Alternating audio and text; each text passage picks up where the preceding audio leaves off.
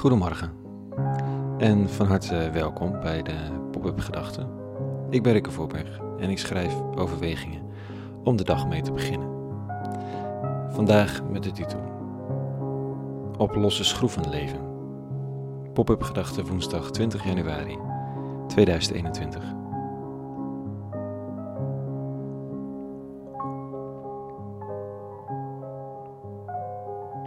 Eind 20e eeuw begon een aantal filosofen zomaar weer de oversteek te maken naar de theologie. Dat was bijzonder, want God was hartstikke dood verklaard door Nietzsche. En de heilig verklaarde reden van de verlichting had ook weinig geduld met bovenaardse gedachten en constructen. Wellicht was het de erbarmelijke kaalheid van een wereld waarin alleen het verstand het voor het zeggen mocht hebben. Misschien was het de kringloop der dingen, ofwel Nietzsche's eeuwige Wiederkehr dat alles weer terugkomt. Maar na de dood verklaarde God door een van de hardste der filosofen, vond er een wederopstanding plaats. Filosofen en denkers probeerden het sterven van God niet ongedaan te maken, maar zagen juist kansen voor de theologie als de oude God van religieus fundamentalisme, van godsdienstoorlogen en heksenverbrandingen dood was. Dan was er misschien ruimte voor iets anders. Zo werd bijvoorbeeld de stroming van de zwakke theologie, ook wel tegenwoordig radicale theologie, geboren.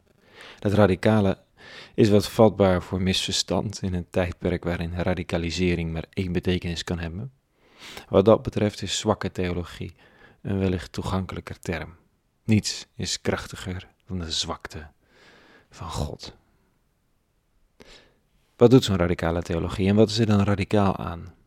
Nou, het graaft in de grond op zoek naar de wortels, de radix. Er staan allerlei traditionele theologieën toch nog stevig geplant in de wereld. Ook al is hun leefgebied wat ingeperkt en hangen er nog nogal wat dode takken tussen.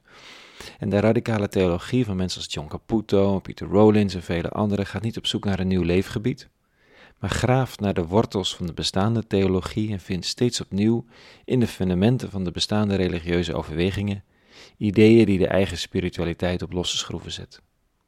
Ze willen niet verwoesten, maar bevragen, niet van buitenaf, maar van binnenuit. Dat wat sterk en robuust staat is niet zo interessant. Pas, het, pas als het weer wankelt, doet het recht, misschien recht, aan de eeuwige. Zo Jezus van Nazareth deze ochtend. Hij doet dat op uiterst eenvoudige manier recht voor zijn raap en en plein publiek.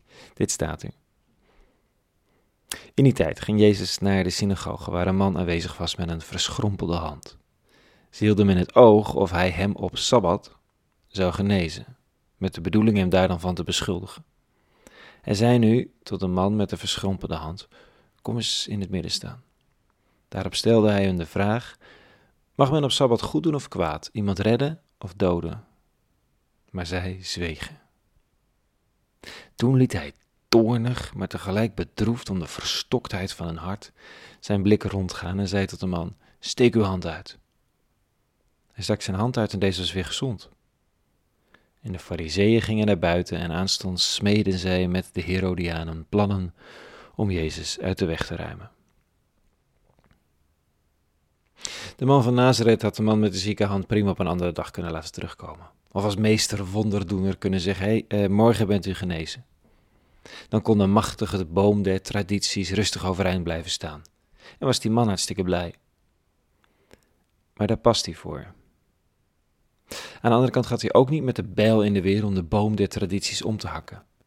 Hij graaft een klein beetje in de aarde en vindt tussen de wortels kinderlijk eenvoudig een onontkoombaar sterke aanleiding om juist op de sabbat te genezen. En als ze weigeren om te erkennen wat hij hun uit hun eigen tradities opdiept, terwijl hij het onder hun neus drukt, dan wordt hij link. Dat is achter, achterlijke lafheid. Dat is, dan ga je met je hele gedrag van wij nemen de traditie tenminste serieus heel hard onderuit. Want dan ging het je blijkbaar nooit om de traditie of om de eeuwige of om geloof, maar om het systeem wat je gebouwd had en je eigen rol daarin waarin je je lekker voelt. Dat kan hij niet zo goed hebben. Het zwakke denken opent een mogelijkheid dat mijn eigen levensinstelling, en dat wat me heilig is, wat ik het liefste bescherm tegen allerlei invloed van buiten, beter op losse schroeven tot zijn recht komt dan als vastgetimmerd geheel.